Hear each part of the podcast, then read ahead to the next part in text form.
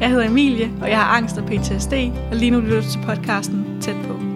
Så blev det mandag igen, og nu kommer tredje del af min snak med Emilie om angst og PTSD. God fornøjelse. Men jeg havde det stadigvæk sådan, jeg klarer mig. øh, og så sidste år i HF, der mødte jeg en fyr, øh, som jeg nok blev forelsket i. Altså Mm. det tænker jeg. Der var i hvert fald sommerfuld i maven. Okay. øhm, det var ikke, fordi vi blev kærester, det var meget, meget kort, og det var, altså, det var nærmest kærlighed. Det var tredje del af min snak med Emilie. Ja. Lyt med igen på onsdag. Jeg elsker, du Ja. hiver den reference. Jeg elsker, du hiver den reference. Det var fedt. Det var, altså, ja... Jeg ved ikke, om han var lækker, da han stod og svingede med bowlingkuglen, eller det var, fordi han betalte regningen og svin. Jeg ved ikke, om det var det, der gjorde et eller andet. Mm. Men han var så behagelig at være sammen med. Ja. Øh, så den der utryghed ved kærlighed, som jeg har, Mm. den fik han faktisk væk. Altså, så jeg blev faktisk glad for ham Mm. første dag, vi var sammen nærmest. Mm. Og den blev bare... Jamen, jeg savnede ham lige snart, han tog hjem. Mm. Og så blev det bare ved. Øhm, og det blev faktisk så voldsomt, så jeg, hvis jeg hørte fra ham en gang i timen, næsten hver halve time, jamen så var jeg sådan, åh oh, nej, nu vil han mig ikke alligevel. Mm. Jeg er også bare grim, og jeg er også bare ulækker, og jeg er ikke pæn nok. Mm. Så ja, så droppede han mig, eller droppede og droppede mig, altså han droppede det, vi havde, efter to måneder på en sms. Super modent. Ja, eller noget. Mm. Øhm. Og der følte jeg mig svigtet. Øh, og lå og græd, og kunne ikke passe min skole i en uge eller to uger eller sådan noget, og måtte mm. til min læge, for jeg havde det sådan, vi havde haft sex. Mm. Og jeg var sådan lidt, han har helt klart givet mig klamydia eller et eller andet. Mm. Så jeg måtte til lægen for ligesom at blive tjekket. Mm. Og der kunne lægen så se på mig, at den er helt galt med mig i hovedet. Altså, ikke at der var noget galt med mig, Nej. men Ja. det hele tog bare anden, og jamen, hun vil gerne have, at jeg gik i noget terapi, Ja. eller anbefaler mig at gå i terapi. Ja, igen ikke også. Altså, øh, Ja. så er du færdigbehandlet før, og så i terapi nu. Ja, så hun ja. henviste mig mm. til en psykolog. Mm. Der var en egenbetaling. Men jeg ringede til en psykolog, som havde øh, erfaring med seksuelle overgreb og, mm. og senfølger. Mm. Men hvor hun var sådan, Emilie, du er 18-19 år gammel, mm. og er på SU, og det er altså dyrt en timeløn Mm. øh, for, for mig. Så hun anbefalede mig og henviste mig videre til Center for Seksuelle Misbrugte, også kaldt for CSM. Mm. Og der ringede vi så ned til mig og min mor, og blev, fik så en henvisning til sådan en opfølgende, eller sådan en opstartssamtale, eller for at se, jamen, passer jeg ind i deres målgruppe, og kan de gøre noget for mig? Mm. Og, og det gjorde jeg. Jeg passede ind, men der var, altså fra jeg startede, eller søgte om at komme til den her samtale, der går der mellem 6 til 8 måneder, til jeg kan komme til samtalen. Ja, ventetid. Ja. Og efterfølgende, så, så siger man, der er cirka to års ventetid før behandlingen, så kan starte. Ja, det var lang tid. Ja. Så jeg tror, jeg starter i behandling en måned før jeg starter på mit studie. Mm. Jeg startede på studiet i 19, september 19. Okay. Så øh, det går lidt hurtigere for mig, end det gør for de fleste. Okay. Så jeg, jeg tror, jeg søgte i 17 Mm. og kom til i 19, hvad jeg sådan lige er nu. Ja, Øhm, okay. og starter selv terapi dernede. Mm. Mm. Okay. Jeg ved ikke, hvorfor jeg havde tænkt, at sådan, øh, at, at der var sådan et, hvad skal man sige, ja, altså, kalder man det her psykisk sygdom? De her ting her, vil du kalde det det? Sådan, det er mere et åbent spørgsmål. Det, jeg synes, det er svært sådan at, Men jeg synes, at ordet psykisk sygdom, det lyder så voldsomt. ja, lige Altså, men præcis. det ved ikke, hvad du tænker. Det synes jeg. Jeg synes, det lyder meget. Ja, Ja, både det synes psykisk sygdom og psykisk lidelser. det synes jeg også lyder voldsomt. Jeg, jeg vil nok Øh, mere kalde det psykiske udfordringer. Ja, Det lyder meget mere roligt. Og, Ja, altså det var bare fordi, jeg ved ikke hvorfor jeg har tænkt det sådan, men jeg, jeg tænkte, at øh, jamen, øh, man er, når man har været udsat for overgreb og sådan noget, mm. så er man nok omkring psykiatrisk. Altså bare det er der sådan, nogen, der er. Altså, der er rigtig mange, der bliver altså, får udviklet borderline. Mm. Og det var jeg også tæt på at udvikle, men igennem min terapi, der fik vi ligesom styr på det, der skete op i hovedet på mig, mm. sådan så at min ændrede humøradfærd, som skete jo bum lige pludselig, Mm. jamen det fik vi mere kontrol over, mm. og min voldsom vredesudbrud øh, har de fået kontrol Altså, Ja. folk bliver chokeret, når jeg siger, at jeg har været meget øh, udadreagerende, fordi sådan er jeg slet ikke i dag. Jeg er meget stille og rolig, og Det virker du i hvert fald til at være. afslappende. jeg er ikke så farlig. men, men jeg var heller ikke farlig dengang, men mm. der var jeg sådan, altså det var borderline, der var tæt på at komme, tror jeg. Okay. Rigtig tæt på. Jeg havde borderline-struktur i min personlighed, mener der står. Jeg har søgt agtindsigt, så Mm.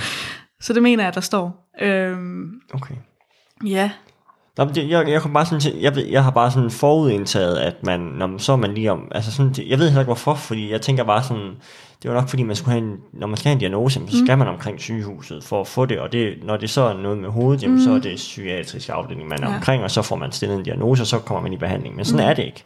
Nej, jeg, jeg øh, hvornår var det? Jeg kunne godt mærke, da jeg startede på det studie, jeg er på nu, Mm. mm. at jeg kan ikke både klare at gå i skole, Mm. og jeg klare at have et arbejde ved siden af. Mm. Og det sted, jeg boede øh, på sådan starten af studiet, det var en lille, lille, lille etværelseslejlighed i en øh, ulækker opgang med folk, der røg has og larmede, og ikke havde almindelig hverdag, ligesom jeg havde. Så jeg boede der et år, og så kunne jeg også mærke, da corona kom, at jeg skal ikke bo her. Fordi de tror, at mm. når corona er der, så er der fest.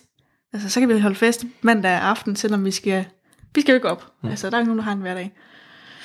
Men øh, det havde jeg jo. Jeg skulle møde kvart over otte, godt nok online, men derfor har jeg jo brug for min søvn. Ja, ja. Og jeg kunne bare mærke, at der lugtede af røg, og der lugtede af has, og sådan noget hver dag. Så der skulle jeg væk derfra. Men mm. før jeg kunne komme væk derfra, så blev jeg nødt til at have en højere indkomst. Mm. Øh, og jeg kunne mærke, at, at hvis jeg skulle have et arbejde ved siden af, som kunne supplere min SU, så ville jeg ikke kunne holde sammen. Mm. Altså, øh, Det vil kræve for meget. ja. Ja. Så jeg måtte søge noget handicaptillæg, og jeg kunne, vidste jo godt, at jeg havde angst. Men før jeg ligesom kunne få det igennem, mm. så måtte jeg jo også have en diagnose. Og det er jo ikke bare, fordi jeg ville have diagnosen, men jeg vidste, der var noget galt. Mm. Det er jo ikke almindeligt, at, at jeg på det tidspunkt frygter, at der ville komme en voldsmand i min lejlighed, fordi hvor fanden skulle vedkommende komme fra? Ja. Men det var i mig, mm. øh, og angsten, og min angst blev værre. Og jeg ved ikke, om det er, fordi man, også, man lærer også meget om sig selv på en uddannelse, mm. Mm, men jeg synes bare, det blev voldsommere, jo ældre jeg blev, og altså, der var ligesom nogle brikker i mit puslespil, som jeg ikke rigtig kunne finde, hvis det giver mening. ja, det gør det. Øhm, og jeg kan ikke huske, hvem der havde... Jo, det var faktisk en veninde, der anbefalede mig at prøve at søge handicaptillæg, fordi hun selv har, eller har psykisk sygdom. Mm. Ja, nu Ja. ja. sagde jeg det selv. Ja. Udfordringer. Ja, udfordringer, det er det, vi skal kalde det, det er meget pænere. Øhm, så hun anbefalede faktisk at søge, der var jeg sådan, jamen jeg har ikke nogen diagnose, altså Så he, hvad årstal er vi her? det må være, øh, kom ind på uddannelsen i 19, Ja, så, så omkring september 19 der omkring, så der har du ikke der nogen sagde hun diagnoser? det. Nej, der har jeg ikke nogen diagnose. Okay. Så det var her i 20, at jeg fik diagnosen angst og PTSD. Og hvem fik du den af? En psykiater, En psykiater. men han var ikke nede ved psykiatrien. Mm. Jeg ved ikke, om han var privat psykiater. Det, Det, det kan man, jeg. det, det kan man sikkert jeg. godt være. Det tror jeg, han er. Mm. Og der var jeg, jamen, i 20 på den tidspunkt. Mm. Øh, omkring corona start, tror Mm. jeg. Øh, lige før corona, eller deromkring. Og så sommeren 2020, mm. der får jeg så diagnosen. Så det går meget, meget hurtigt, men han er også rimelig sikker på, at det er det. Okay. Og det er jo ikke fordi, han, altså han er meget sådan, at bare fordi jeg har PTSD og angst lige nu, så det er jo ikke fordi, jeg har dem 10 år, Mm. at der er mulighed for at blive udredt. Mm. Øh, og jeg var sådan, at jeg skal ikke i behandling nede ved dig, fordi CSM, Center for Seksuelt Misbrug, mm. var rigtig godt for mig. Mm. Øh, jeg var kommet i noget gruppeterapi, og, og jeg havde det sådan, jeg tror, at det nok skal hjælpe mig. Mm. Og det har det også gjort. Altså, jeg fik lavet nogle test om, hvordan ligger PTSD, og så er der også mm. øh, en højere grad for PTSD, som jeg ved ikke, om den er kommet til Danmark nu, mm. men den var i hvert fald i USA på det tidspunkt. Mm. En kompleks PTSD, tror jeg, den hed. Okay. Ja. Og der bongede jeg ud for begge to som en PTSD på det tidspunkt, i starten af behandlingsforløbet ved CSM, Mm. Der var det højt. Det er fyldt. Ja. Og Ja. ja. min angst var næsten op på 100 Den fyldte også. ud af skalaen. Ja, den fylder hele tiden, og den har den altså gjort, og, og har fyldt rigtig meget, men den er også blevet mindre med tiden. Mm. Og jeg tror også, at både min PTSD og min angst, min PTSD, den er jeg sikker på, den skal nok forsvinde en dag. Mm. Det tror jeg på. Mm. Og min angst, om den vil forsvinde en dag, det ved jeg ikke. Mm. Men jeg kan jo altid gøre noget for at, at få den ned. Jeg kan jo hele tiden modarbejde min angst og gå imod. Det er den, det, det, den vil have. Jamen, hvis jeg giver den, at jeg skal blive hjemme, Mm. hvis jeg ikke skal gå på dates, hvis jeg ikke skal have sex, mm. så giver jeg jo det, angsten gerne vil have. Og så får den lov til at fylde noget mere. Men hvis jeg gør det, den ikke vil have, mm. altså jeg går på date og har sex og alt mm. det her, så vil angsten jo blive mindre, fordi så kan den godt se, hvem der er stærkest, og det er jo mig. Mm. Så jeg tror på, at angsten også nok skal blive mindre, men om den forsvinder helt en dag, det ved jeg ikke. Og det sagde psykiateren også, at det vidste han heller ikke. Men hvis jeg arbejdede nok på det, så kunne det da ske. Mm. Altså, Hvordan var det at øh, få et øh, få en diagnose? Sådan, Altså sådan gav det en lettelse, det har jeg hørt hos nogen, mm. men for nogen kan det også godt fylde meget, at man lige pludselig har fået et stempel, og så bliver man tolket som psykisk syg, øhm, mm. you know, altså sådan i den dur der, øhm, at man kommer i en kasse, som man måske ikke selv føler, man hører i. Øhm, hvordan var det for dig? Altså selvfølgelig var det, angsten var ikke et chok for mig, mm. og PTSD'en var nok heller ikke et chok for mig. Mm. Og alligevel var det et chok, at jeg faktisk havde det, hvis det giver mening. At mm. Jeg havde nok regnet med det, men okay, det er faktisk en realitet alligevel. Men da jeg ligesom havde sundet mig, så er det rart, at så er det ikke mig, den er galt, men så er jeg ikke mærkelig. Mm. Der er jo faktisk noget i mit hoved, der gør, at, at, at jeg agerer og reagerer, som jeg gør. Mm. Øh, så hvis der er noget, jeg ikke kan, hvis der er noget, jeg ikke kan overskue, min træthed, jamen hvis jeg føler mig træt, så er det ikke fordi, jeg er doven. Det er faktisk fordi, jeg ikke kan mere, så har jeg overset, altså brugt for meget mig selv til, hvad jeg egentlig kan holde til. Mm. Så der er en grund til det. Øh, og, og det, der har været udfordringer efterfølgende, det er, at folk de har det sådan, eller det ved jeg ikke, om de har det, men det føler jeg, at nu bruger hun den bare som en undskyldning igen. Altså, kan hun ikke bare tage sig sammen? Altså, sådan en mm. følelse har jeg nogle gange haft, at, mm. at de måske ikke helt forstår, at det faktisk er angst. Nogle, mm. de kan, så kan de sige til mig, det, det der, du kalder for angst, mm. Det er angst. Altså, mm. det er ikke noget, jeg kalder okay, for ja. angst. Mm. Altså, det er jo noget, jeg har fået at vide, jeg faktisk har, mm. og som jeg også godt ved gennem mit studie og min egen læring og min krop, jeg kan jo mærke det, mm. at det er jo ikke bare noget, jeg kalder for angst, det er mm. jo noget, der er. Mm. Mm. Så det var en lettelse, da jeg fik diagnoserne. At ja. Nu var der ligesom en overskrift på, hvorfor jeg har det, som jeg har det, fordi jeg følte mig jo nogle gange sindssyg. Mm. Altså, når, når angsten var voldsom, så følte jeg mig sindssyg. Mm. Øh, men hvor jeg ligesom godt vidste, nu efter jeg fik jamen, en overskrift på det, mm. jeg er ikke sindssyg. Altså, der er en grund til, at jeg har det, som jeg har det. Mm. Ja. Øhm, så hvordan, øh, nej, nu skal jeg lige tænke mig om, mm. sådan, hvad skal man sige, når du, når for eksempel der er nogen, der siger, øh, det der angst der, mm. eller sådan, kan du godt sådan komme til at være i tvivl om, det er din fortolkning af det, der gør noget. Altså ind i dig, mm. mere end det reelle, det de siger. Altså kan du følge mig sådan, altså hvis jeg, jeg har ikke noget godt eksempel på det, men sådan når man, når man øh, det der med at overtænke for eksempel, mm. fylder det for dig? Jeg overtænker hele tiden, eller meget af tiden i hvert fald. Men hvor jeg godt ved, at det er måske en af mine symptomer på angsten. Det er jo angsten, mm. der får mig til at overtænke. Altså, mm. øh, og det er ikke noget, at, at jeg gør selv. Mm. Nogle gange kan man, altså nogle gange kan jeg måske godt køre med i angsten, at okay, nu bliver det også ved, og mm. det er også bare mig, og det, det går også bare galt, og altså overtænke, ikke? Mm. Øh, og i perioder kan jeg jo ikke kontrollere det selv. Mm. Og i perioder kan jeg godt kontrollere det. Nogle gange kan jeg godt kontrollere og sige, nu holder du op, Emil. Nu tager du sammen. Mm. Det sker jo ikke. Altså. Mm. Og ved du hvad, så når angsten den har været der, jamen så er det stærkere, for så har du overlevet endnu en, et angstanfald. Mm. Men bliver man ramt af det? Altså sådan en, øh, ej, nu, nu er du bare fjollet i hovedet. Altså sådan, nu, nu, altså nu, øh, altså kan du, kan du slå tanken ud af hovedet, den negative tanke, fordi det er der, forestiller mm. mig, at det gør det i hvert fald for mig selv.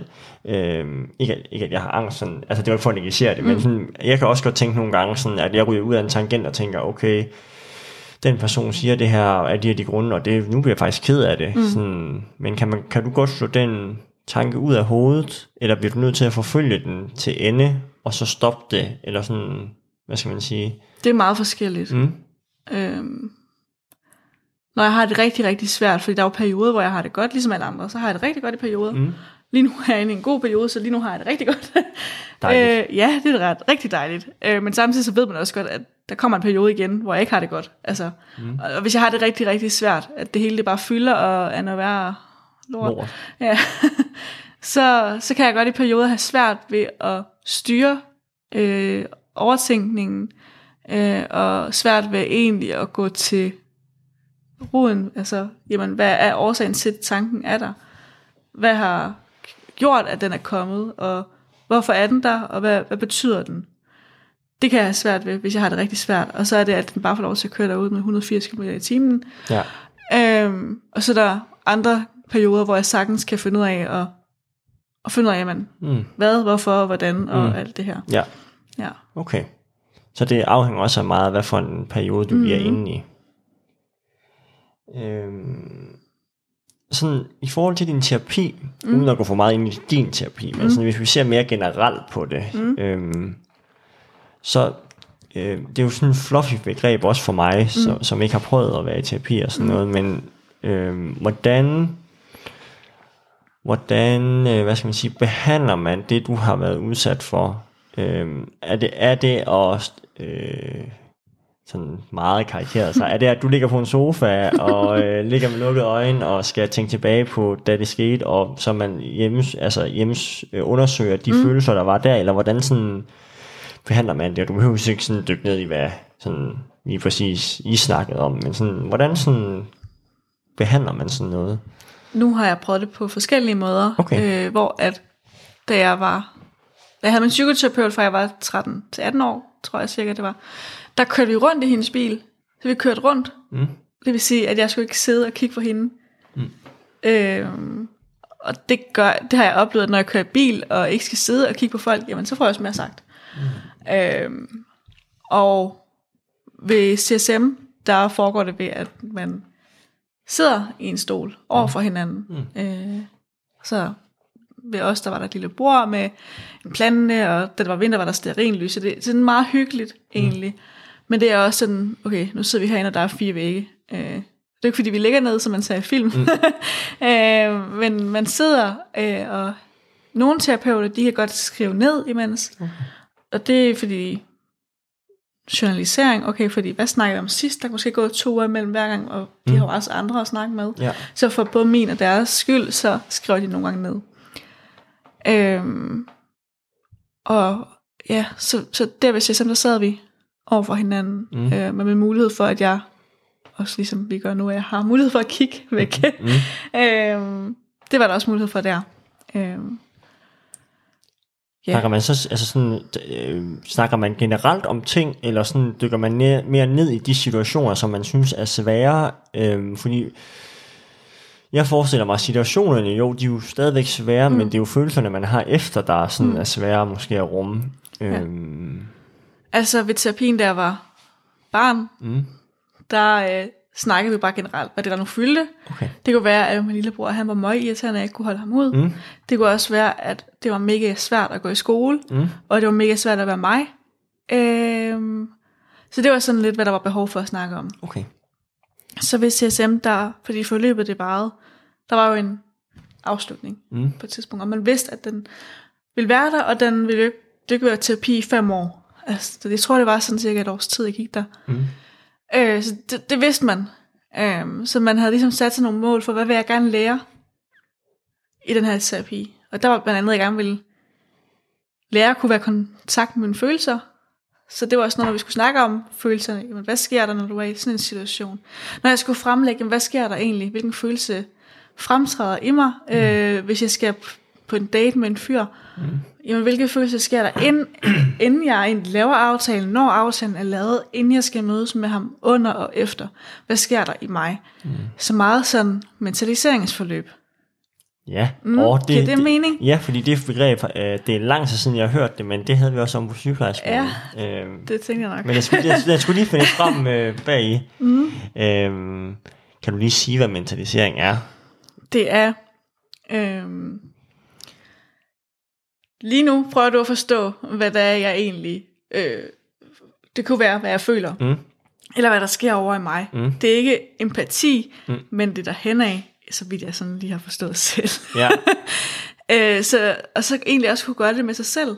Ja så Så det, med at forstå, hvad sker der over i andre, men hvad sker der egentlig også i mig i de enkelte situationer. jeg kunne ikke have sagt det bedre selv. Lige præcis. Altså evnen til at forstå andre og sine egne følelser. Ja, lige præcis. Øhm, uden at have empati for dem. Men jeg, jeg føler mere, det er sådan... Empatien er jo en del af det, vil man. Ja, lige præcis. Altså- Altså, jeg føler mere, det er sådan objektiv Ja. empati-agtigt. Ja, lige præcis. Øhm. Man tager den der helikoptersyn på sig selv eller på andre. Ja, Egentlig. Men du siger, at sådan, du vil gerne kunne mærke din, hvad, hvad sagde du, mærke dine følelser. Mhm. Mm-hmm. Hvad så øh, inden, altså det der med ikke at mærke sine følelser, hvordan, hvordan, Ja, altså- hvordan er det sådan, Jeg tror, det jeg mener med at kunne mærke mine følelser, det er at kunne sætte overskrift på dem. Altså, jeg har jo kunnet mærke alle mulige ting i mig, men hvad var det egentlig, der skete, og hvad var det egentlig, jeg følte? Mm. øh, hvor jeg har lært, at min vrede, Mm. den kan jeg mærke i dag. Eller jeg lader den også være der. Altså før mm. i tiden har jeg måske skubbet den væk. Så det der med, når jeg har lyst til at sige fra og sætte grænser, så er det jo min vrede, der kommer, for der er nogen, der går over min grænse. Mm. Og det har jeg lært. Øhm, og når jeg bliver ked af det, jamen så igen noget med noget vrede og noget ked af det. Og jamen, når jeg har været sur igennem tiden, så er jeg måske bare blevet ked af det. Mm. Så selvom jeg har været ked af det, så måske vreden, der måske har været der. Mm. Mm. Så at kunne nuancere sine følelser måske, og, Ja. og, og mere, hvad skal man sige, ikke målrette, men med sig selv vide, hvad for det er for en følelse, Ja. der er lige nu. Sådan Ja. at, når, når jeg er ked af det, så er det jo ikke, det er jo egentlig ikke ked af det, jeg er. Jeg er jo faktisk sur. Ja, og det kan også godt være, at jeg er ked af Ja. det, men der er jo forskel på, hvordan jeg er ked af det. Mm. Er jeg ked af det, så det går helt ondt ned i min stortå, eller er er jeg kun ked af det til det her til min skulder? Mm. Hvis det giver mening. Det altså, det. der er forskel på det. Ja. Hvis det er hele kroppen, jamen, så er jeg måske sådan rigtig ked af det, ked af det. Mm. Men hvis det kun lige er her på skuldrene, hvor jeg måske bliver anspændt, Mm. så er det måske mere vreden, der kommer på besøg. Mm. Ja. Okay. Mm. Hvordan er øh, Emilias hverdag så i dag? Sådan. Mhm. med alle de her ting her, og ja, altså sådan, er det noget, du går sådan og ikke lægger låg på dig selv, men du ved sådan, du aktivt skal tage stilling til hver dag, at nu, i dag, der har jeg den her følelse her, og den gør jeg sådan og sådan ved. Øhm, eller hvordan er din hverdag med, med angst og PTSD? Ja, det er jo frem og tilbage. Så det er op og ned og mm. rundt omkring og muligt. Øh, I dag, lige i dag, der har jeg en god dag. Mm. Altså, jeg troede, jeg ville være mega nervøs for at skulle sidde her. Altså, det er så under de klamme fingre. øh, men så der er andre dage, så der i går, der var jeg sådan lidt sensitiv, så min lillebror, han var måske lidt vred. Mm. Men det kunne jeg ikke rigtig kapere. Mm. Så jeg tog det meget personligt. Mm. Øh, og blev påvirket. Og, altså hans behov for... Han er meget urolig. nu rykker du så rundt på Ja. dig, så det var ikke sådan en henvisning til dig. Men, men, men han sidder meget øh, og hopper med benene. Du var de der urolige, der sidder og hopper Mm. på benene, eller hvad de gør. Mm. Det gjorde han meget i går, og jeg kunne bare mærke, at hans vrede og hans urolighed, det triggede mig enormt meget, så mm. jeg blev både træt, og jeg blev irriteret. Og før i tiden, der ville jeg kunne blive sur på ham og sige, så sid dog stille og hold dog op, og bare tage dig sammen, eller du ved, Mm. at skubbe det hele over til ham. Mm. Altså det var hans ansvar, det er hans skyld. Hvor at i dag, der har jeg lært at trække lige vejret, og så kigge væk, eller gå, altså hvis han er urolig for eksempel. Mm. Øh, og samtidig sige, du behøver ikke være vred, fordi det kan være, der sker noget inde i dig, men det er jo ikke min skyld. Mm. Øh, og altså, så det, lige godt, det var, der var sådan en, en sensitiv dag. Øh, så det er meget sådan svingende, at Mm. jeg bliver tit påvirket af andre, men kan lære at kontrollere, at det er noget over i dem, og ikke noget i mig. Mm. Øhm, og så er der selvfølgelig det her med at skulle fremlægge i skolen. Det er selvfølgelig triggende over på min angst. Og, Er det en evig kamp? Er, Mm. det, er det hver gang, som du skal fremlægge noget? Ja. Okay. Men med, i mildere og mildere grad. Ja. Og det er jo ikke fordi, jeg siger, at okay, så er det på 100%, og så går den 10% ned mm. hver gang. Mm. Nej, det er måske 1 grad. Ja. Altså, Ja, ja. så det ryger ned. Og så kan det måske gå op igen. Mm. Så det er sådan noget frem og tilbage. Øhm, og eksamen, det er heldigvis ikke hele tiden, men, men det er der jo også. Mm. Øh, hvor før i tiden, der kunne jeg være nervøs flere måneder, før jeg skulle til eksamen. Mm. Hvor i dag, så begynder det måske 3-4 dage før. Mm. Øhm, tager stadigvæk beta-blokker for at gå til eksamen, fordi det ved jeg, det hjælper min hjerterytme, og så går jeg til eksamen og siger, at jeg har eksamensangst. Øh, og det er ikke fordi, jeg behøver at tage særlig hensyn, men jeg har bare lige brug for et talsæt, at jeg har den, fordi så har jeg ligesom sagt det, før den kommer. Mm. Så hvis der sker et eksamensangstudbrud, noget, så ved de det, og de kan hjælpe mig. Og hvordan vil det se ud? Øh, ja, her til sommer, der var jeg faktisk til eksamen, og der ja. kom den. Ja. Øh, og der var jeg lige ved at give mig til at græde, så der blev jeg ked af det. Og det var frygten, at, at jeg kunne ikke mit stof, og jeg ville ikke kunne finde ud af det, og jeg havde kun en halv time til at skulle det her og det her, mm. og jeg ville gerne have en god karakter, og øh, hvis jeg ikke får en god karakter, så er jeg ikke god nok, og så rører min, øh, hvad hedder det, Gennemsnit. ja, det rører ned, og realiteten, jeg ved godt, at min kommende arbejdsgiver ikke kommer til at kigge på mit karakterblad, Mm. men den sad i mig. Øhm, så, så det er sådan meget refleksioner øh, i, i mig, Mm. om at jeg ikke er god nok, at jeg ikke gør det godt nok, og så bliver jeg ked af det. Og nu har jeg så sagt det, så nu er jeg sårbar, og altså, Mm. øhm, så der blev jeg ked af det, at de bruger en minuts tid på at Træk vejret. Ja, og min sensor og eksamens, øh, hvad hedder hun? Eksaminator. Ja, lige præcis. Hun øh, sagde, prøv lige at mærke fødderne, sæt fødderne ned i jorden, og, og mærk, at du lever, og så sidder lige og rod med dine tæer ned i, i jorden. Mm. Det gjorde vi et minuts tid, og så var jeg sådan, nu tror jeg, at jeg er ved at være klar. Og det var jeg ikke helt, men så gik vi i gang, fordi jeg ved godt, at hvis jeg bliver med at trække den, mm. så kommer jeg aldrig tilbage til virkeligheden. Mm. Så jeg blev også nødt til bare at skubbe den væk, og så sige, det kan jeg godt, og hvis jeg sidder er lidt sårbar de første to minutter, så er jeg sårbar. Mm. De ved, at jeg har eksamensangst, og de har lige oplevet det. Mm. Og så klarer vi den. Og de er der, og det er jo ikke fordi, de forventer, at jeg kan hele pensum, og det går nok, hvis jeg ikke får den karakter, jeg gerne vil have. Mm. Jeg fik heller ikke den, jeg ville have, men jeg overlevede, og igen, Mm. der er ikke nogen, der kommer til at se på det alligevel. Var det fint nok efter? Sådan, altså det her med karakteren. Øhm, Eller hele inden- døgnet efter, der var jeg sådan, "Åh, jeg er ikke god nok, og jeg gør det ikke godt nok. Okay. Så var jeg så nede ved min praktikvejleder, for det var min praktikeksamen, jeg havde været til. Ja. Og da jeg så fortalte hende, at jeg havde fået syv, Mm. der var hun sådan, det var godt, og hun var også rørt, kunne jeg se. Og da hun var rørt og sagde, Emilie, du er en god socialrådgiver. Uanset om du får 02 eller om du får 12, og du er meget mere- end bare et tal. Mm. Så er jeg sådan, okay, så er det okay, det går nok.